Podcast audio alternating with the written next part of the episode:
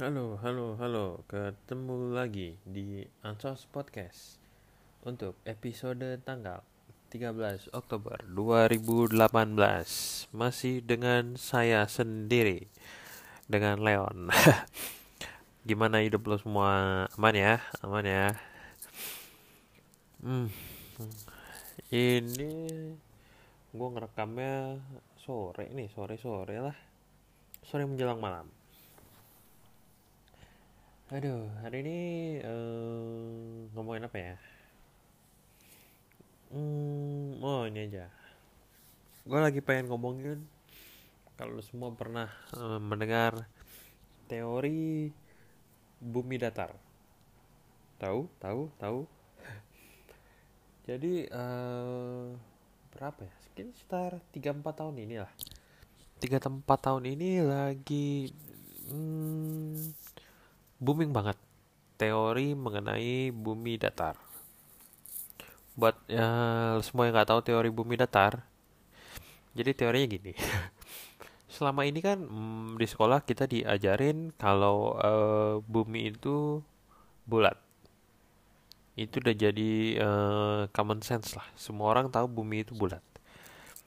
Nah, uh, teori bumi datar ini mengatakan bahwa teori bumi bulat itu hmm, disebarkan oleh pihak-pihak yang tidak ingin mengetahui bahwa bumi itu sebenarnya merupakan bidang datar. Jadi eh, para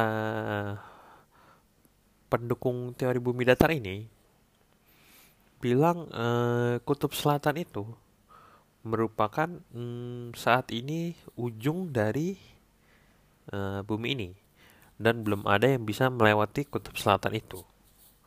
Jadi kutub selatan itu kayak tembok yang membatasi dunia saat ini kita ketahui dengan dunia yang sebenarnya selama ini unexplored atau belum dieksplorasi oleh manusia. Uh, terus juga uh, teori ini menyatakan bahwa di uh, bumi ini dikelilingi oleh sebuah kubah yang mm, tidak bisa ditembus bahkan oleh uh, roket misil ataupun nuklir sekalipun. Jadi di teori ini bilang sebenarnya Amerika sama Rusia itu pernah ada proyek untuk menembus kubah langit ini. Mereka uh, secara rutin menembak uh, roket misil ke Kubah tapi belum ada yang bisa menembusnya. Gitu sih. Uh, terus uh, gua sebenarnya mm, nggak mm, terlalu peduli sih sama teori bumi datar ini. Tapi sebenarnya teorinya menarik. Menarik untuk apa uh, karena kadang-kadang lucu kalau ngelihat hmm, orang yang percaya sama bumi ini datar mau dengan berdebat dengan orang yang uh, bum, percaya bumi ini bulat. Jadi kalau lo lihat, uh, lo coba deh cek di YouTube, uh, ada namanya uh, video video iya channel channel kayaknya uh, Flat Earth 101 itu bikin orang Indonesia. Itu ngejelasin teorinya detail banget uh, teorinya masuk akal. Make sense. Tapi uh, eh, gue sih secara pribadi gue percaya bumi itu bulat ya. Cuman uh, terkadang gue suka untuk uh, ber apa ya bukan berdebat sih. Jadi untuk uh, kalau ada orang yang nanya lo percaya gak sama flat earth? Gue bilang gue percaya. Kenapa? Karena gue pengen menguji uh, kalau misalkan gue lempar teori-teori yang gue nonton di YouTube itu responnya gimana? Kalau dia bisa ngerespon dengan teori bumi bulat yang hmm, make sense enak diskusi ya tapi kadang-kadang kalau gue pakai teori-teori yang di flat earth ini kalau misalkan orangnya langsung responnya langsung ah apa sih lo goblok banget? Sama teori bumi bumi datar aja percaya. Gue semales jadi gue cuman um, memposisikan gue mendebat orang itu tapi cuman untuk diskusi doang. Tapi secara pribadi sih gue hmm, lebih percaya bumi itu bulat sih. Tapi uh, apa ya? Uh, sebenarnya mau bumi itu bulat mau bumi itu datar nggak akan ada pengaruhnya sih di hidup gue hidup lo, semua juga. Mau datar mau bulat toh uh, lu hidup juga gitu-gitu aja kan. Lu juga uh, kerja mau bumi datar mau bumi bulat nggak ada pengaruhnya di hidup lo. Ini cuma untuk enak-enak uh, diskusi aja untuk untuk uh, diskusi antar teman aja. Uh, teo uh, teori lagi. Uh, penjelasan yang menarik juga di bumi datar ini um, salah satunya adalah um, adanya rute pesawat. Yang gue ingat itu rute pesawat. Jadi uh, dibahasnya kayak gini. Uh, misalkan kayak dari Indonesia mau ke Amerika nih uh, logikanya adalah logikanya gini uh, pesawat itu rute yang paling pendek adalah uh, rute yang garis lurus kan. Jadi uh, kalau misalkan dari titik A ke titik B itu ada di dalam satu garis lurus logikanya adalah kita nggak perlu lagi ke titik C. Titik C itu di mana dia kita kayak harus memutar dulu untuk ke titik B jadi uh, kayak misalnya dari Indonesia mau ke Amerika uh, dari Indonesia harus lewat ke Singapura dulu Singapura ke Dubai dulu Dubai dulu baru ke Amerika Padahal sebenarnya kalau ditarik secara garis lurus dari Indonesia ke Amerika itu jaraknya lebih dekat dibandingkan Indonesia Dubai, Dubai Amerika. Nah itu ya salah satu uh, teori uh, bumi datar yang bilang itulah yang menunjukkan bahwa uh, sebenarnya bumi ini tidak bulat. Kenapa penerbangan itu harus uh, memutar?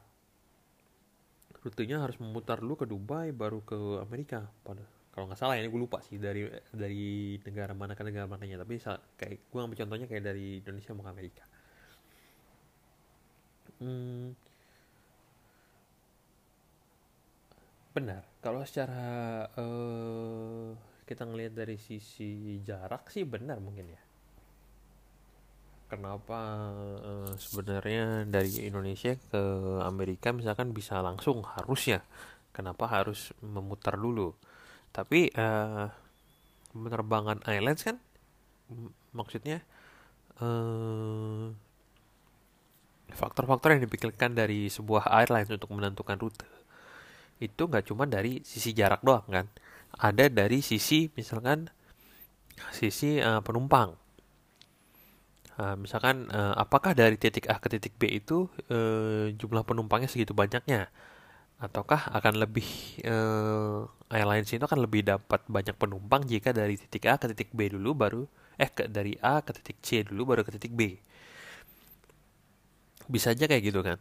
Atau misalkan hmm, dari A ke titik B uh, jaraknya terlalu jauh sehingga uh, tangki after pesawatnya nggak cukup. Jadi mereka harus ke titik C dahulu untuk isi uh, after transit sementara baru dari titik C ke titik B. Bisa juga kan? Jadi sebenarnya pertimbangan airlines untuk menentukan rute itu nggak cuma dari sisi jarak doang. Ada banyak pertimbangannya. Dari penumpang bisa dari sisi uh,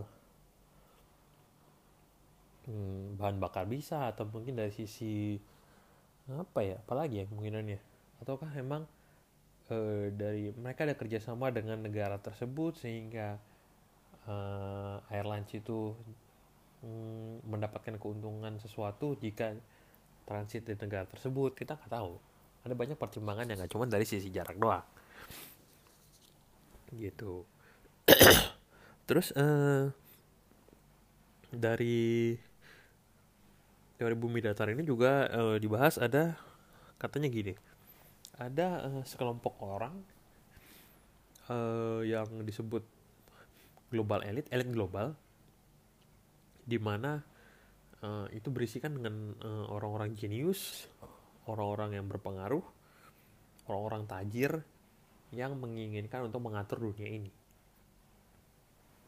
Hmm, jadi mereka tuh sejenis sekelompok orang yang kayak mafia, tapi uh, super super high class, sehingga dia bisa mengatur seluruh dunia ini termasuk uh, ekonomi sumber uh, informasi segala aliran informasi aliran uh, dana segala macam. Mereka bisa mengatur semua itu.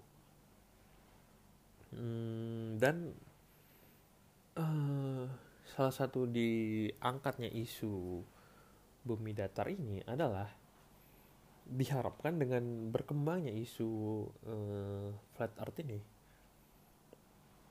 eh, orang-orang ini akan dibangkitkan kesadarannya bahwa sebenarnya um, informasi yang ada di dunia ini sebenarnya diatur dan um, diharapkan dengan munculnya kesadaran ini semua orang di dunia ini akan mulai mempertanyakan hmm, berita-berita yang beredar sehingga akan nanti pada akhirnya bisa menjatuhkan elit global ini. Padahal hmm, menurut gue nggak make sense sih. Maksud gue gini hmm, di elit global ini seandainya pun memang ada ya seandainya pun memang ada itu sudah di uh, berisikan orang orang-orang jenius orang-orang berpengaruh orang-orang tajir yang aduh kalau di superhero ini mungkin kayak Hmm, Batman atau Iron Man gitu. Bayangin ada puluhan atau mungkin skalanya nggak sampai 100 mungkin ya gue balik gue nggak tahu sih. Mungkin let's say top manajemennya ada 20 lah 20 let's say berarti kan ada 20 Batman kan? Ada 20 orang yang setajir itu seberkuasa itu yang bisa menggerakkan mm, market di dunia ini. Dan lu bisa apa terhadap itu? Lu mau jumlah orangnya ratusan juta juga nggak akan ada pengaruh apa apa di mereka. Lu tau gak sih? Teori um, Pareto di mana um, 20% dari populasi itu menggambarkan um, 80% dari populasi itu, itu sendiri. Jadi misalkan gini. Um,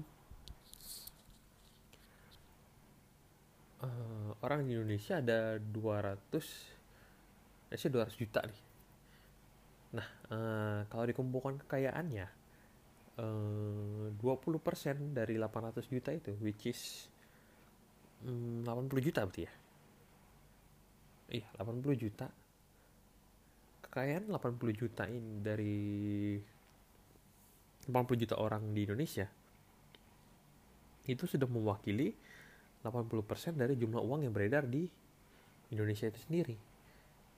Jadi 80% lain gak akan bisa ngalahin 20% ini. Jadi uh, mau seberapa tajirnya lu kalau lu nggak masuk di 20% ini lu nggak akan bisa menggoyahkan posisi mereka. Itulah kenapa uh, orang yang kaya makin kaya orang yang miskin makin miskin. Karena seluruh uh, pergerakan orang ekonomi di 20% Pareto ini itu menguasai 80% perekonomian di dunia, di Indonesia. Jadi ya awalnya beredarnya cuma di 20-20% itu aja. Kayak mereka akan bertambah jauh lebih besar dibandingkan 80% yang di bawahnya ini yang nggak termasuk di komponen 20% ini. Jadi uh, mau teori flat earth ini di berkembang seperti apa mau menurut gue nggak akan bisa lo ngejatuhin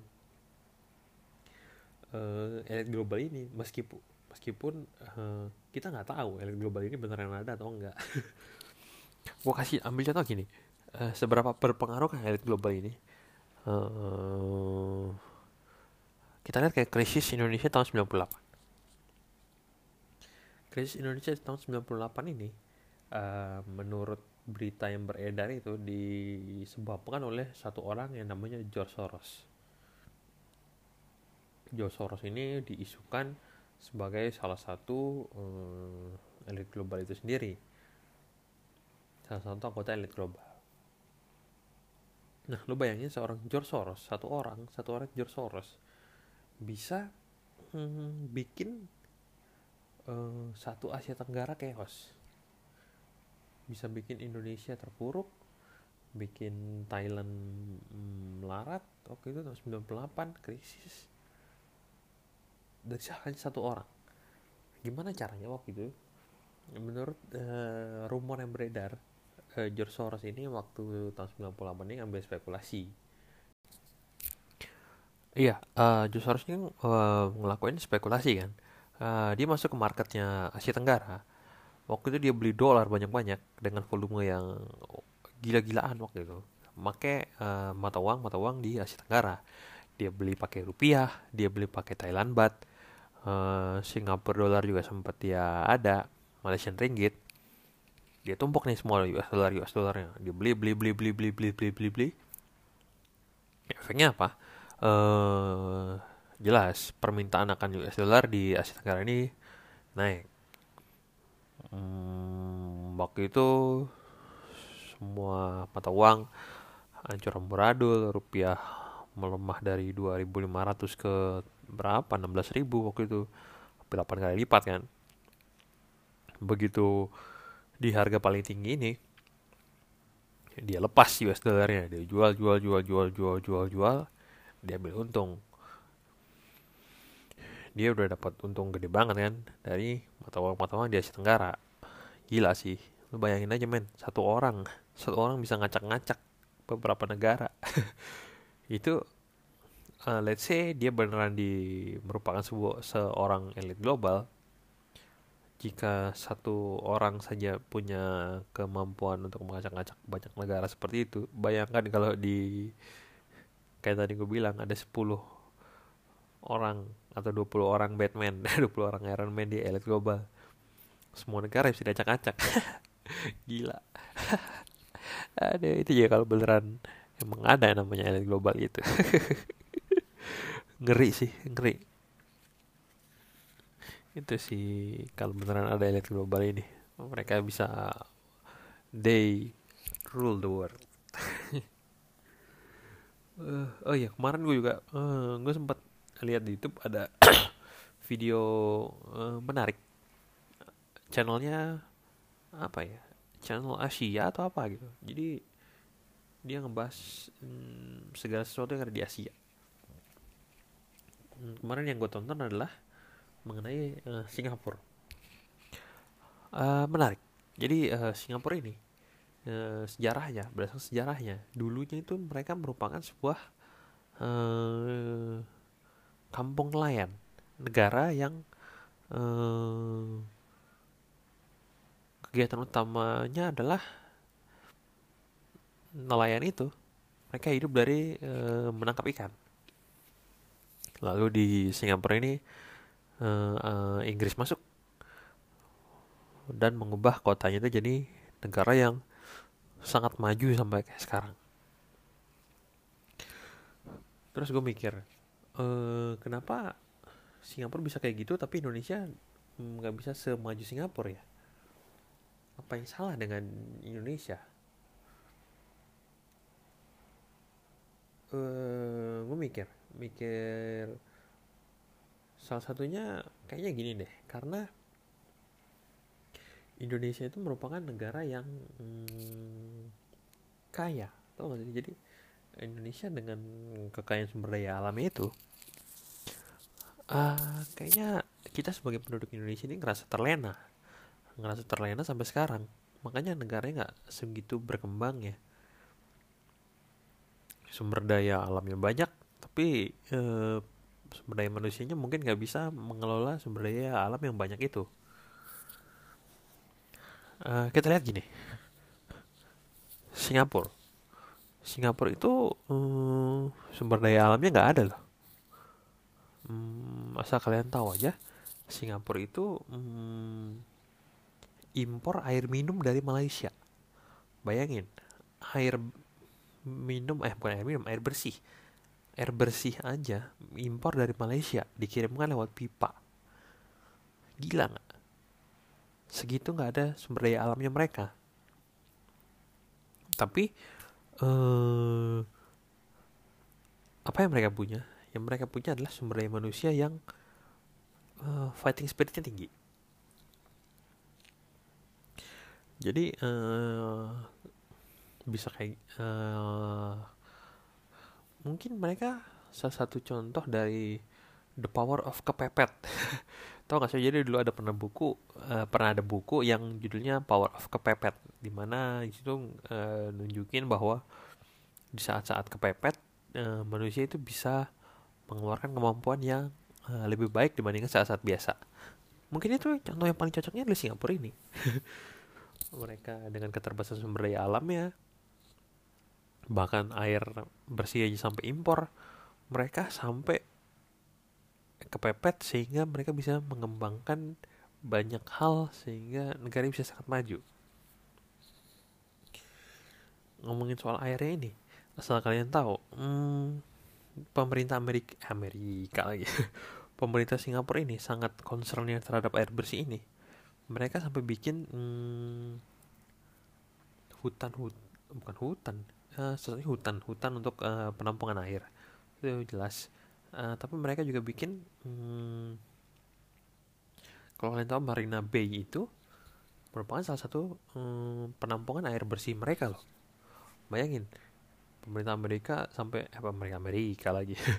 Pemerintah Singapura bikin sebuah konsep pengelolaan air sampai Marina Bay itu jadi uh, sumber air mereka. Kan kan? Bahkan Marina Bay itu sekarang jadi pusat rekreasi pusat rekreasi produk Singapura itu sendiri? Bandingin sama Indonesia sama Jakarta lah paling gampang. Kenapa Jakarta uh, pemerintah Jakarta nggak bisa bikin kayak gitu ya? Gue nggak tahu sih gue nggak uh, gue nggak uh, meneliti sebegitu dalamnya mengenai anggaran negara Singapura ya untuk pengelolaan air bersih ini tapi menurut gue harusnya sih Pemda Jakarta lah paling gampang. Pemerintah Indonesia yang paling gampang kita ngeliatnya Jakarta. Bisa lah bikin pengelolaan pengelolaan air segitu bagusnya. Harusnya sih bisa. Di Jakarta sumber air banyak sungai-sungai ada banyak banget. Kenapa nggak bisa jadi pusat rekreasi kayak di Singapura gitu mungkin yang contoh yang paling ya, bagus itu di Palembang ya gua tuh dulu sempat tinggal di Palembang. Jadi di Palembang itu dulu waktu tahun 90 90-an sampai awal 2000-an lah. Itu uh, Sungai Musi itu hmm, nggak hmm, sebegitu bagusnya. Dulu nggak ada itu uh, restoran-restoran di pinggir di pinggir Sungai Musi. Itu nggak ada. Tapi pemerintah kotanya uh, bisa fokus untuk membenahi Sungai Musi itu sehingga sekarang di pinggir Sungai Musi udah banyak restoran-restoran jadi pusat rekreasi. Bahkan uh, menurut gue itu cukup ikonik ya tuh sekarang. Banyak tuh kalau lihat di postingan-postingan di Instagram atau uh, di berita-berita mengenai restoran di pinggir sungai Musi. Sekarang itu udah bagus bagus banget. Dulu itu di jembatan Ampera itu sekitar jembatan Ampera itu masuk salah satu uh, tempat yang Bronx. Di situ banyak waduh sempat yang Bronx lah. Akan banyak tindakan kriminal di sekitar jembatan Ampera itu dulu.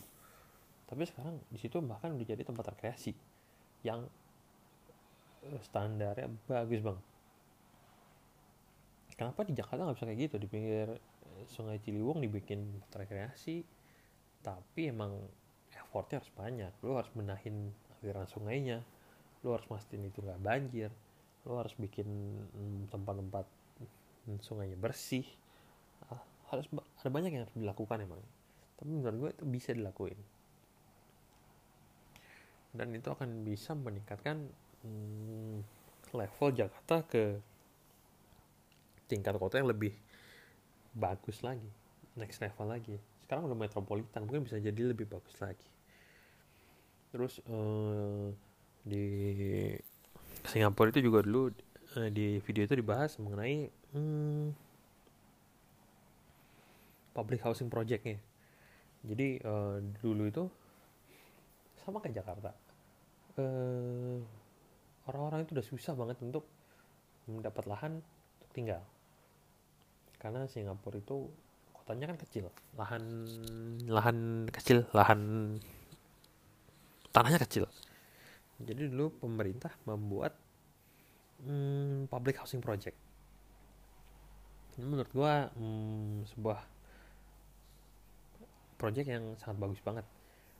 Jadi eh, dibikinlah apartemen atau rumah susun lah. Sama aja tuh apartemen rumah susun sama. Di uh, yang bisa menampung jutaan orang yang tinggal di Singapura. Itu kalau uh, lu lihat public housing itu bagus banget terapi banget. Kakak gua kan tinggal di Singapura. Jadi uh, gue pernah ting uh, ke apartemennya dia. Apartemennya bersih. Di setiap apartemen itu uh, misalkan let's say ada empat blok. Di tengah bloknya itu ada taman bermain untuk anak-anak. Jadi setiap kalau misalkan sore-sore pagi-pagi itu anak-anak kecil pada main di apa di taman itu ditemenin sama bapak ibunya itu uh, harusnya sih pemerintah Indonesia ngelihat itu sih. Mereka benchmarking ke sana ngelihat uh, public housing di sana. Public housing nggak mewah enggak enggak kalau sangka kayak apartemen apartemen mewah di Jakarta kayak di uh, Tamrin Residence enggak enggak enggak semewah itu. Biasa aja tapi mm, rapih terstruktur dan nyaman membuat orang-orang tinggal di sana bahkan dulu kalau gue sempat dulu sempat sempat baca juga di Singapura ini hmm, bahkan hmm, public housing projectnya ini dulu pada awalnya dibuat hmm, segmen-segmen sesuai uh, rasnya. Jadi di Singapura ini dulu katanya uh, rasismenya cukup tinggi. Jadi let's say di sana kan uh, paling banyak orang Chinese orang uh, Malay bukan Malay Melayu lah Melayu. Itu masuk Malaysia Indonesia. Terus ada orang mm, India. Itu dulu masalah uh, rasnya cukup tinggi. Jadi sering ada bentrokan antar uh, ras di Singapura itu. Jadi pemerintah ngambil solusinya adalah dulu dibikinlah um, public housing sesuai uh, rasnya. Jadi misalkan uh, ras India public housingnya di blok A. Uh, ras uh, Melayu di blok B jadi itu untuk menghindari adanya um, bentrokan ataupun um, konfrontasi uh, antar ras itu tapi sekarang sih udah enggak jadi kayak di uh, public di apartemennya kakak gue itu udah nggak cuman orang Melayu doang. Ada orang Chinese juga ada orang India juga. Sekarang sih udah nggak terlalu segitu masalah rasisnya nggak terlalu segitu kelihatannya sih. Mereka udah cukup ngeblend lah. Dan uh, menurut gue sih kalau misalkan ditanya memang sih orang-orang dulu kayak zaman zamannya bokap gua bokap nyokap gua kalau disuruh tinggal di apartemen mereka nggak nggak suka sih. Mereka nggak suka karena oh, dibilang kayak nggak napak tanah gitu. Tapi menurut gue sih kalau sekarang generasi millennials hmm, orang yang baru kerja orang yang let's baru nikah menurut gue nggak akan nggak akan terlalu bermasalah sih untuk tinggal di apartemen bahkan menurut gue tinggal di apartemen itu hmm, cukup hmm, apa ya lebih praktis sih. Karena lo nggak perlu hmm, let's say tempat parkir lo disediain. Uh, lo mau belanja gampang harusnya biasanya kan di bawah apartemen tuh ada hmm, kayak minimarket atau ada kayak perbelanjaan kan. Justru kan memper, mempermudah sih terus uh, sisi keamanan juga relatif lebih aman lah karena um, untuk masuk apartemen nggak segampang itu. Tapi memang untuk orang-orang dulu sih zaman zamannya bokap gua bokap nyokap gua untuk mungkin bokap nyokap kalian juga masih lebih nyamannya tinggal di uh, rumah napak rumah tapak sih. Tapi hmm, ya itu pilihan sih selera tapi menarik sih menarik. Kalau lo ngebandingin apakah Indonesia bisa kayak Singapura menurut gue sih bisa banget. Tapi apakah kita mau effort effort untuk jadi negara sekelas Singapura tuh berat banget sih berat banget. Apalagi sekarang hmm, kita masih lebih sering uh, menyebarkan hoax dibandingkan bekerja uh, lebih serius sih ini semua di manusia. Kita harus mengembangkan diri kita bekerja dengan lebih fokus lebih keras untuk membangun negara ini. Asiknya lagi podcast apaan coba deh. Aduh. Aduh wah udah berapa nih? Wah udah 20 menit lebih nih hampir 30 menit. Uh, yaudah deh. Thank you ya yang udah dengerin deng